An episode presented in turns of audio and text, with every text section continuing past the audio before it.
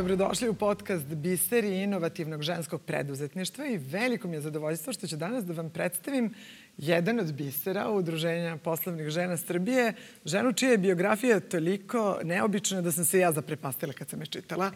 Mina Rakićević. Mina, e, dobar dan, dobrodošli. Možemo da krenemo i onim e, po čemu ste trenutno najpoznatiji, a to je vaša firma Deliko Sopot. Svi oni koji znaju šta vredi, šta nema konzervansa, šta je ukusno, mm -hmm. biraju proizvode vaše firme. Da, Pa ja se nadam da biraju. Je li tako? Da, ja se nadam da smo barem u prva tri izbora, to je da kažem. Ali nije, nije lako napraviti firmu u ovakvoj poplavi ponude raznorazne, gde svi nekako gađaju nekim velikim brojevima, a mm -hmm. vama nije do brojeva, nego vam je do kvaliteta. Jeste, da. Nama je m, glavni fokus u stvari na kvalitetu, a onda na kvantitetu. Mislim, vi ne, u stvari, ja mislim da to ne ide jedno s drugim. -hmm. Barem u, u ovakvoj vrsti e, proizvodnje kakvom se mi bavimo. Znači, mi ni nemamo možda ni kapacitete da napravimo neke neverovatne brojeve, ali ovaj, a, bez obzira na to što na kraju je ipak sve broj, jer vi na kraju imate neki tamo bilans i mm. napravili ste dobit ili niste i računa se ako jeste, ovaj, um, na kraju je u stvari za mene bitno da ja mogu da pogledam sebe u ogledalo i da mogu da stanem pred bilo koga i da znam da ga nisam ni na kakav način prevarila, ajde da tako kažem. Kao A se nekad desi, probudite se ujutru i pomislite, jao Mina, šta ti bi što nisi postala molekularni biolog, zašto si studirala ili bar producent zašto si takođe studirala, da. jer vi ste sve to završili. Jesam, da. E, dešava mi se kako da ne. Jel da? Da, i ne mali broj dana, ali onda ustanete i idete dalje. Mislim, prosto, um, dok sam dolazila na ovaj razgovor, setila sam se kako, mi je, kako sam uh, u školovanju, bila dobar đak, ali nisam se nešto pronašla. Išla sam u treću gimnaziju i tamo su moj ceo razred, maltene ceo, su lekari, farmaceuti, stomatolozi i doktori nauka i tako dalje. Ja se nekako nisam pronalazila i sećam se da mi je otac rekao, ma studiraj šta voliš da učiš i onako ko zna gde će život da te odnese. I na kraju je to u mom konkretnom slučaju ispalo tako. Znači ja sam želala da upišem produkciju, moji roditelji nešto nisu baš bili za to. Eh, školovala sam se 90-ih kada je ovde bila dosta teška situacija. Ove, imala sam sreću da sam uh, mogla da odem u Englesku, da, se, da tamo studiram, da dobijem stipendiju. I, ove, I tu sam produkciju ne upisala na kraju. Znači, studirala sam molekularnu biologiju, na kraju sam upisala ipak to što sam želala.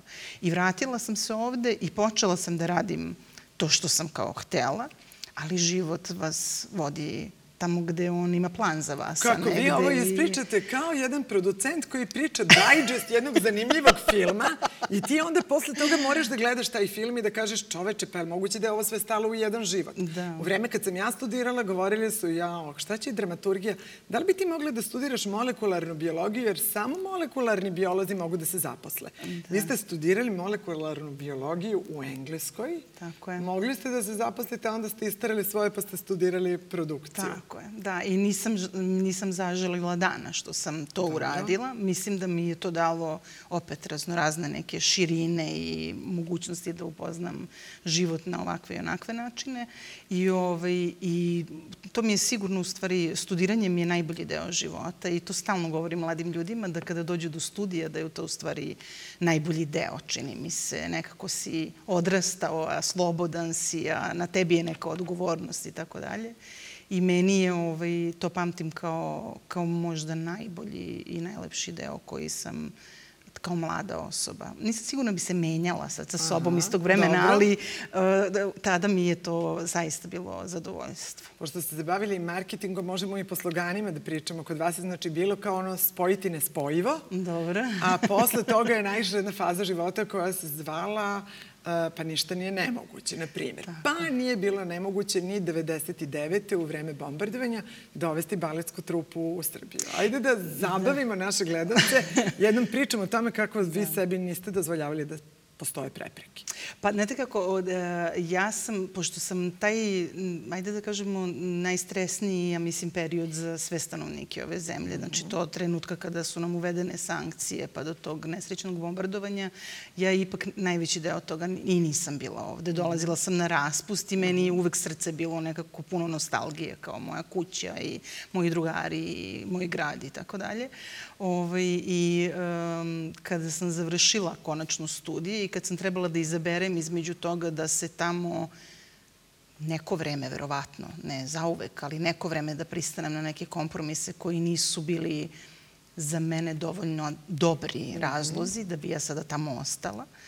Ove, ja sam odlučila da se vratim kući i bila sam, moram da kažem, malo gurnuta od strane oca koji je rekao ako vi svi budete otišli iz ove zemlje, onda ova zemlja neće imati šansu da napreduje. Ove, kasnije je se predomislio, ali tada je to zaista verovao i pogurao me da se, da se vratim kući. I ja sam ovaj, volontirala na, na Bitefu, nije 99. nego 2000. godina, mm -hmm. pred 5. oktobar. I, ovaj, ali stvarno ovde je bila tenzija i taj pred 5. taj oktobar je bila baš poprilično velika tenzija. I, ovaj, uh, I nastupala je britanska baletska grupa koja ne znam negde su bili pa su preko Makedonije trebali da, da uđu u Srbiju. I ja sam bila poslata kao neko koji, je, koji ih razume, ko se s njima, da odem tamo da ih dočekam u Makedoniji i da ih zajedno dovedem. I to je bilo jako zanimljivo, zato što kad smo mi došli na granicu, oni su rekli da smo mi neki špijuni. I, ovaj, ali smo izgurali priču da oni uđu u zemlju i da održe tu predstavu u Beogradu i, um, kako da kažem, meni je bilo srce puno. Ja sam tada bila stvarno, mislim, mlada iz ove perspektive, ja nisam ni znala šta se oko mene dešava, iskreno. Kako ali ste sam izgurali da, da Pa dođe? uporno, ja sam, ovaj, ja imam tu crtu da sam uporna Dobre. kao ovaj, mislim da kažu mazga, ovaj, da kada nešto... Da sam veoma uporna. Da, da, da kada nešto želim da postignem ili želim do nekada da stignem, da ne postoji prepreka. Znači, to su samo izazovi koje vi morate da rešite da biste stigli tamo gde ste namumili. Niko vam ne kaže da će da vam bude lako na tom putovanju. Mislim, i nije lako, ceo život. Mislim da je pun izazova i da kako da vam kažem, da je tvoje da se nekako nađeš način da rešiš svoju stvar, da ne odustaneš. Pa taj put vas je posle vodio, radili ste na B92, pa ste radili u marketinškim Jest. agencijama. To sve bilo lepo iskustvo ili ste tražili novi izazov? Pa, bilo mi je lepo iskustvo. Ja m, e, imam neku ovaj, tendenciju da uh, pamtim samo lepe dane, znači Dobro. pamtim samo dobre stvari. Trudim se da loše stvari zaboravim i da me one ne obeleže ni jedan period u mom životu. Tako da ja uh, i radu na 90 dvojici i posle u publici su ili u Bernetu pamtim uglavnom po dobrim stvarima, po dobrim ljudima, po dobrim uh, energijama mm -hmm. i mhm. stvarima koje smo mi tamo stvarali. Ovaj, e, tu negde kad sam se zaposlila u Lio Bernetu, moj otac je već bio u izgradnji ove fabrike i uh, ja sam videla, iskreno da vam kažem, svoju šansu da se priključim porodičnom biznisu, ali iz jednog neverovatne stvari, a to je u stvari kao ja ću da dođem tu da ne radim ništa, a bit ću plaćena kao. U, ovo je, baš... bilo baš iskreno. pa kao ja ću biti tatina čerka, Dobre. bavit ću se tu, nešto da statiram, ovaj, ali ću kao imati dovoljno slobodnog vremena i tako dalje. Međutim, ovaj, čovek pravi planove, a Bog mu se smeje, tako se Bog ovaj, silno nasmejao. Prvo sam došla da radim kod svog oca, koji je meni otac, ja ga iz biznis e, sveta ne poznajem, on je čovjek u stvari jedan alkoholik i kod njega ne možeš da statiraš, nego možeš da radiš samo. Pa onda, pošto sam u čerka, mogu da radim puta pet. Znači, mhm. sve je ono, kao, ja sam, ne znam, u jednom trenutku ostala trudna, on mi je rekao, ja sam rekla, e, super, ja sam sada trudna, ja ću sad idem na trudničku. On mi je rekao, i šta ćeš da radiš? Ja sam rekla, pa da budem na trudničkom, kao i svi koji su kod tebe trudni, mislim, ono, i odu i vrati se posle dve godine. Ajde, nemojte da se glupiraš, kao to je bez veze. Onda sam se porodila, onda je bio jako uzbuđen. Ja sam donala prvu unuče i on je bio van sebe, ali je bio u fazonu, šta će sad da radiš? Nećeš valjda da, kao, ne misliš valjda da sediš kod kuće kao, pa dok beba spava, odgovori na pet mailova, šta ti je to problem? Tako da u stvari sam ja radi, mislim, došla sam u, u stvari kod najtežeg poslodavca, realno. Aha, jer je bio jako zahtevan. Mnogo I, me je voleo, ali je tražio više nego od ostalih. Tako je, tako je, da. Dobro. Ali ovaj, i to mi je bilo izazov na, na neki način. E sad onda, kako ide život? On se umeđu vremenu razboleo, nažalost i umro. Ja sam nasledila, nasledila firmu. Um, nekako sam sama odlučila da je nasledim. Znači, u tom trenutku u životu sin mi imao šest meseci, tata iznenada preminuo. Um, ja se nešto nisam spremala u životu da budem preduzetnik. Niti sam, ni, uvek sam se divila ljudima koji su preduzetnici zato što mislim da to je jedna posebna energija jer tebe nešto vuče što je toliko veliko da ti ne možeš da odustaneš od svog sobstvenog sna, a onda tu su sad onda i drugi mhm, zaposleni i mhm, tako mhm. dalje.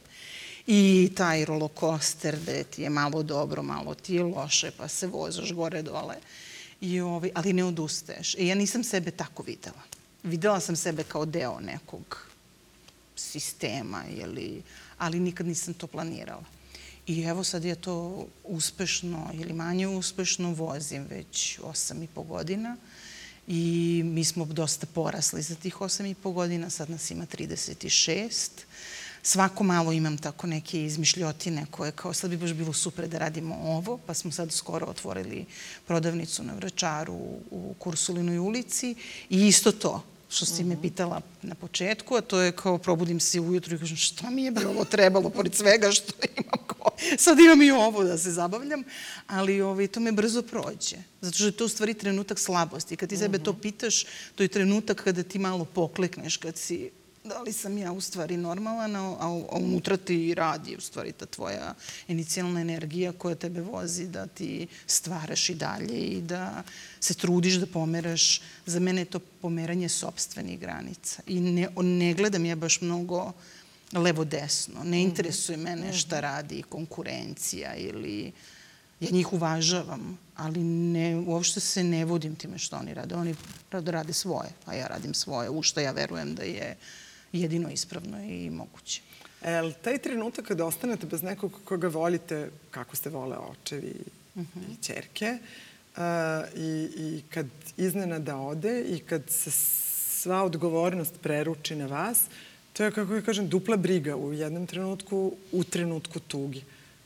Kako se jedna žena izbori s tim da treba da nastavi da radi nešto što nije planirala, a da je imala takav gubitak, a u trenutku kad je dete tako malo? Ja ne znam, ja mislim da sam ja u samom startu bila anestezirana, iskreno. Znači, ja sam kao da sam bila robot, kao da sam samo primala te neke informacije. Mm -hmm. Kao, ovo se desilo, ovo mora, ovo... I onda sam porađivala kao robot. A onda tamo, posle nekog vremena, jedno, dva, tri meseca, te, to, to shvatiš što ti se desilo. I psihološki sam prošla kroz sve faze gubitka a vi ste na, ono, budete tužni, jako nesrećni, pa sam bila besna, pa sam bila ljuta, pa sam onda razumela, pa sam tako, isto kao neki, neki rollercoaster. Ali nema tu mnogo razmišljanja, znate, nije to... Uh, mi smo u tom trenutku, ja mislim, imali 12 ili 14 zaposlenih. Odakle nama pravo da se predamo i da tim ljudima upropastimo život. Zato što šta? Ne možemo ili... Znači, ne, nekako nema tu, ja mislim da ja nisam nešto mnogo mislila. Ja sam samo pokušavala da zatvorim sve rupe i da to sve ostane, pa ćemo da mislimo kasnije. A onda više ne misliš kasnije, onda si ušao u tu kolotečinu. Um, Inače sam osoba koja ne misli da je bitan kvantitet, mislim da je bitan kvalitet. Pa sad kad pričamo o roditeljstvu, mislim da je mnogo bitnije da to vreme koje proveden sa svojim detetom bude kvalitetno provedeno vreme, a moj život nije ništa različito od neke žene koja radi negde i svoje dete isto ustaje ujutru, daje mu da doručkuje, vodi ga u vrtić, školu, gde već, vraća se kući, to i radim i ja. Znate, nekada radim kod kuće, nekada prestanem da radim u pet, pa se vratim u deset kad mi dete spava da završim. ali znam žene koje to rade radeći u nekoj korporaciji, tako da... A iz, iz one rečenice uporna sam, baš sam uporna, je i priča uporna sam, baš sam uporna i izborila sam se da dobijem i bebu. Mm, jeste, da, izborila sam se da dobijem i bebu, da nije bio lak put, znači mm. i tu sam imala neke. I dugo je trajao? I dugo je trajao, ja sam mama, ovaj, ona, kad sam ja bila u porodilištu, rekli su mi da sam ja matora prvorotka. Tako Aha, su me, tako su, tako su me označili. Da. Dobro. A sad kažu da, da je to normalno. Mm. Ovaj, da, nismo imali, nismo, čak sam u jednom trenutku digla ruke od ideje da ću biti mama. Tako da, i onda sam ostala trudna. Tako da i to ima svoj, svoje neko putovanje. Ali, ovaj... I nekako se to lepo sklopilo zato što je vaš tata upoznao svog unuka. Jest. Unuk dedu. Da, da. I mislim da je velika šteta što mi je uh, tata, uh, ajde da kažemo, I, i, I u to sam počela da verujem, da svi mi imamo neki svoj put i da svi imamo neko rečeno vreme ovde. Nekome je to vreme dato dugačko, nekome kratko. Ovaj, meni je žao, on je bio jedan izvanredan čovek i mislim da je imao još toliko puno da da ovaj, i nama kao porodici i društvu kao, kao takvom. Ovaj, ali završilo se njegovo putovanje tada kada se završilo i to je to. Ono Ostaje sećanje na njega i da se trudimo da to što radimo, mi, mi faktički nismo promenili um, on je nešto tamo setovao, mi smo mm -hmm. to mhm. zajedno postavili i imao je i tu ideju kao zašto, zašto mi moramo da uvek proizvodimo nešto polu, zašto se mi ne potrudimo i budemo najbolji. I, ove, I ja nisam to promenila. Imala sam puno savjetnika koji su me savjetovali da taj put promenim, da je on jako težak, da ćemo jako teško napraviti neki uspeh da se on primeti, zato što na kraju dana naš proizvod je jako skup. Mi živimo na tržištu koje je ovako kakvo jeste. Mislim, ljudi nemaju dovoljno novca da prežive ceo mesec i izdatak za hranu im je veliki u njihovom kućnom budžetu i ne mogu to sebi uvek da priušte ili ne mogu sebi da priušte uopšte a, i hrana je, kako da vam kažem, hrana je i lek, hrana je, vas vodi u bolest. Ali mi to ne razumemo, mi nekako ne, e, ne kapiramo da time šta unosimo u sebe u stvari mm, štetimo, štetimo sebi. Ali meni se čini da se ta svest nekako menja, zato što sam baš od ljudi koji, između ostalog, kad sam se spremala za ovaj razgovor, mm -hmm. pričala sam sa ljudima koji konzumiraju ovaj, proizvode koji stižu iz delikosa. Uh, oni govore zapravo o tome kako je mnogo važno znati da jedeš nešto što je bez konzervansa i da je mnogo bolje pojesti manje, da znaš da je to bilo kvalitetno, nego u ovom tržištu velikih brojki jeste svašta što se, ne znam, melje, u što se dodaju aditivi i sve ostalo. Ili imate utisak da se nekako svest ljudi menja? Pa mislim da se menja, um, ali mi smo skloni da idemo iz krajnosti u krajnost uh mhm, -huh. i skloni smo takođe da, ja imam tetku sa kojom radim, koja je vrhunski prehrambeni tehnolog i koja je, ajde da kažemo, na zalasku svoje karijere, mhm. znači ima ozbiljno znanje, je stekla ovaj, tokom godina.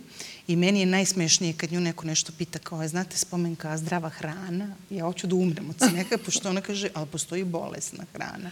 Aha. I, ovaj, I ona zastupa, na primjer, tu, tu tezu da mi treba da jedemo raznovrsno i da treba da jedemo, kako da vam kažem, pomalo od svega, a ničega previše, a ničega premalo. I ovaj, e, mi imamo tendenciju da kao ne, hranimo se nezdravo, onda se hranimo zdravo, podemo u potpuno drugu krajnost, da, da ne možemo ono kao jedemo samo šargarepu. Ovaj, mislim da se menja, ali e, kao i sve, to zavisi od budžeta, znate. Da. Znači, stvarno zavisi od budžeta. Nije ni dobro da pojedete 5 kila jabuka na dan. Znači, koliko god bilo an apple a day da. keeps doctor away, znači, ovaj, nije ni to dobro. Da li vaš sin jede proizvode Delikosa? Apsolutno. Pa nema bolje reklame od toga. Apsolutno. Slažete se kao neko ko je radio u agencijama. nema, nema. Dajte svom detetu Tako. samo ono u što istinski verujete. Pa im, e, to je zapravo deviza kojom se ja nosim. A to je ako ja hranim svoje dete, onda je to dovoljno dobro i za vaše dete. Tako. Znači, ovaj, eto, tako smo, tako smo setovali priču, vidjet ćemo ovaj, e, put je trnovit. Znači, bez obzira m, kako da vam kažem, obično se uspe i gleda samo onaj ovaj vrh ovaj, ledenog brega i ne vidi čovek kako je se do toga vrha došlo, ali ovaj, ja sam negde na tom putovanju ka tom vrhu, nadam se. Osim vaše tetke spomenke, tatine sestre, pretpostavljam. Tatina sestra, rođaka, da. Da, dobro. Ona je bila pre vas u firmi? Ona je zajedno, mi smo nekako zajedno došli. U isto vreme? Da, da. A, mnogo mi se dopalo što ste u dva navrata u ovom razgovoru rekli pa ja sam odgovorna za naše zaposlene i za njihove porodice. Zapravo, to je prava, po meni, preduzetnička svest o tome da ti moraš da vodiš računa o ljudima koji su zaposleni i da kad neko ostane bez posla, ti posredno još puta četiri ostavljaš Tako bez nekog izvora, izvora prihoda. Je li to otežavajuća okolnost u tim ono, razmišljanjima šta mi je ovo trebalo, vidio koliko ljudi moram da brinem? Pa ne znam kako da vam kažem. Znači, um, uh, prva svest koju imam je da mi bez njih ne možemo. Znači, mm -hmm. oni su mhm. sastavni deo naše firme i svako je, svaka ta uloga koju zaposleni ima je zapravo jako važna uloga u mhm. firmi, jer da možete bez njega, on ne bi bio tu. Ove, ovaj, druga stvar, mi imamo zaposlene koji su s nama od početka i e, da, ja imam veliku odgovornost i nekako, ja mislim da i oni imaju veliku odgovornost jer oni proizvode, oni su na izvoru toga zapravo šta radimo. Ali sa druge strane, znate, velika je odgovornost da vi njih ne, nekako ne izigrate, da budete iskreni, dobri, topli, da oni žele da budu kod vas i, ovaj, i nekako ste jedna velika porodica. Firma je još uvek mala, neko mi je rekao iz udruženja, jednom u nekom razgovoru kako je sve super dok firma ima do 50 zaposlenih. Aha. Kada pređe 50, onda to postaje već velika firma gde vi više ne možete da ispratite ni kako se ko zove, ni ko dolazi, ni ko odlazi i tako dalje. Mi smo još uvek na manjem, od, manjem broju od 50 i svi se dobro poznajemo. Tako Meni da... kao nekom ko gleda s polja izgleda kako su žene unutar udruženja poslovnih žena Srbije sa, savršeno umrežene i kao da ste tu da, da podržite jednu drugu kada i dođu te žute minute u kojima nije lako biti preduzetnica. E, koliko vam znači to što ste članica, članica udruženja? Imali tu neke podrške koja je značajna?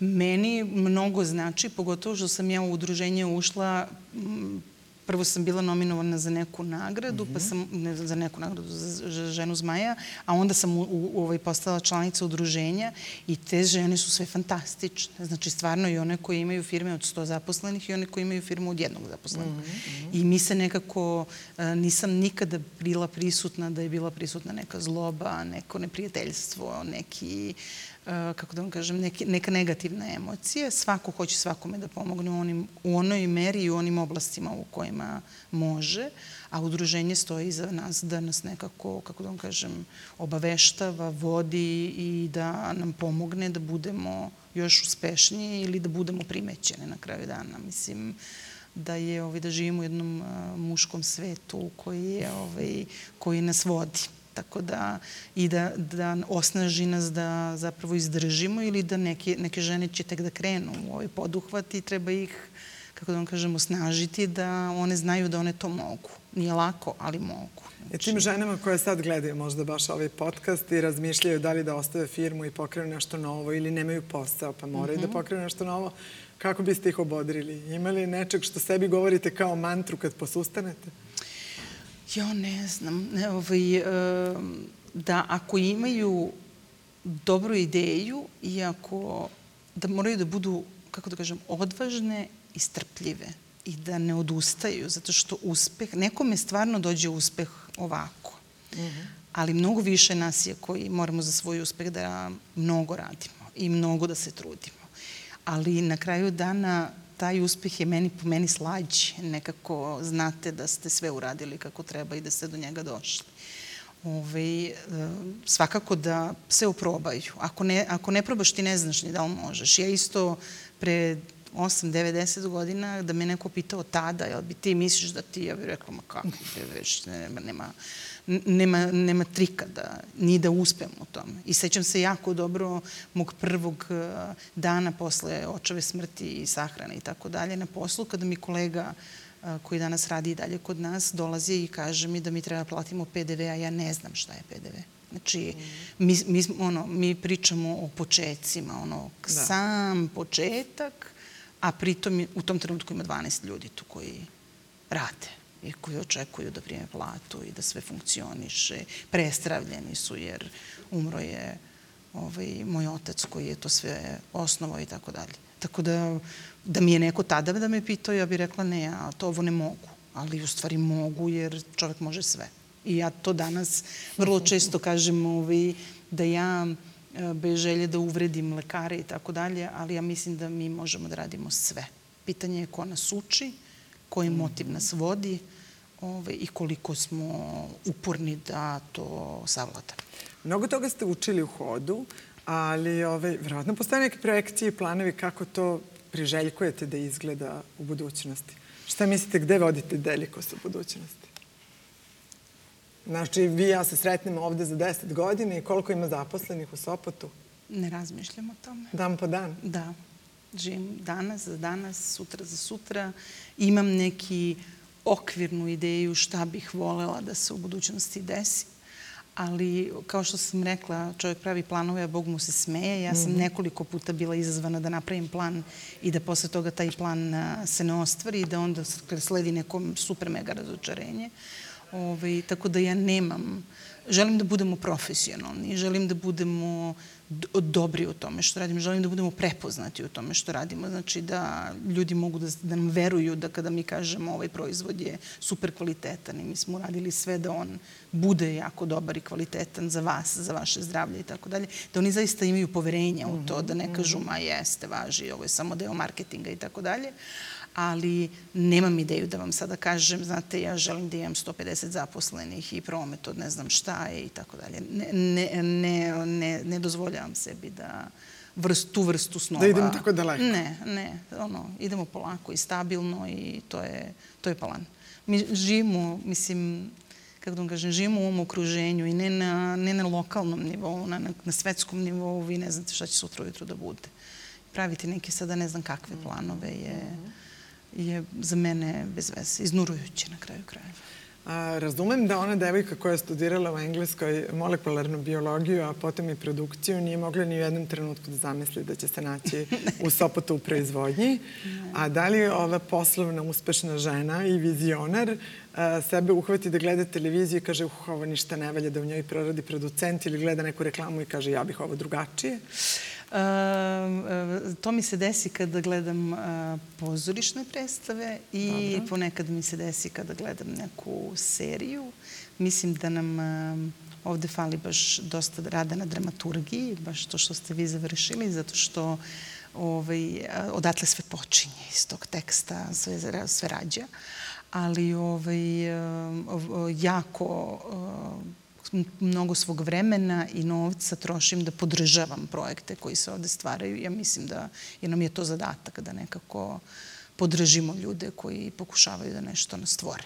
I Svet neretko bude bolji je, lepši, jel? Tako je. I, I svaki dan treba da budemo bolji i lepši. Znači, da se trudimo da danas budemo bolji nego juče. Eto, to je zadatak, pa ćemo valjda nastavi, nas, napraviti nešto kako treba mislim. Da li, da li ste pokušali da od muža uspešnog snimatelja napravite nekog ko će početi da se razume u delikatese? Ne. O, znači, ostaje svako u svom domenu Tako je, da. Svako, ovaj, svako ima svoje interesovanje i svoj put i on nema ta interesovanja i ja se nešto ne bunim. To je, to je okej. Okay. On ima svoj put čovek i voli svoj posao, je to što radi, tako da je to, da je to tako ali izvesno je da biste sami napravili i kreirali najbolju reklamu za vašu firmu. Ne, sad više nisam ni sigurna. Stvarno? Da, ja mislim da je... kao to ovaj... se zaboravi, okačila pa, rukavica, ne, okay. nije, ja se, ovaj, ja umem da se, um, skoro smo radili nešto u, za ovu prodavnicu mm -hmm. i ja sam se bavila nekim detaljem do te mere da su mi na kraju rekli, e, znaš šta, ali to što, na što ti trošiš vreme, to niko ne primećuje. Aha. Ovaj, a u stvari je to iz tog posla koji, evo sad smo ovo pomerili 3 cm levo da bi ne znam šta se desilo u kadru. I ja umem to tako da se zglupim i da se bavim ono, Detalje. detaljima do nenormalnih ovaj, srazmera ali ovaj, uh, mislim da bi danas kada bi to trebala da radim, ja bi to prepustila profesionalcima. Svako treba da radi svoj posao. I A kada vaš sva... posao je sada? Moj posao je sada da vodim Delikus i da budem dobra mama i supruga i prijatelj i Eto. Pa nema lepšeg kraja, izuzev možda ka, umesto zaključka, da kažem, pominjali ste nostalgiju iz vremena kad ste živeli u Engleskoj i studirali.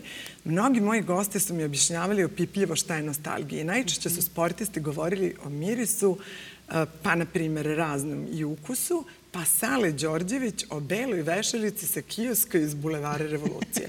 Želim da neki, baš kad se zvala Bulevar revolucije, Da. želim da u nekim narednim intervjuima, kad budem naše ljude uspešne u inostranstvu, pitala šta je to što nje, kako njima miriše nostalgija, oni kažu kosmajska delikatesna radionica. Je to u redu? Ja mislim da je to savršeno. Hvala vam, Mina, na ovo razgovor. Baš sam Hvala. uživala i želim vam puno Hvala. uspeha. Hvala vama.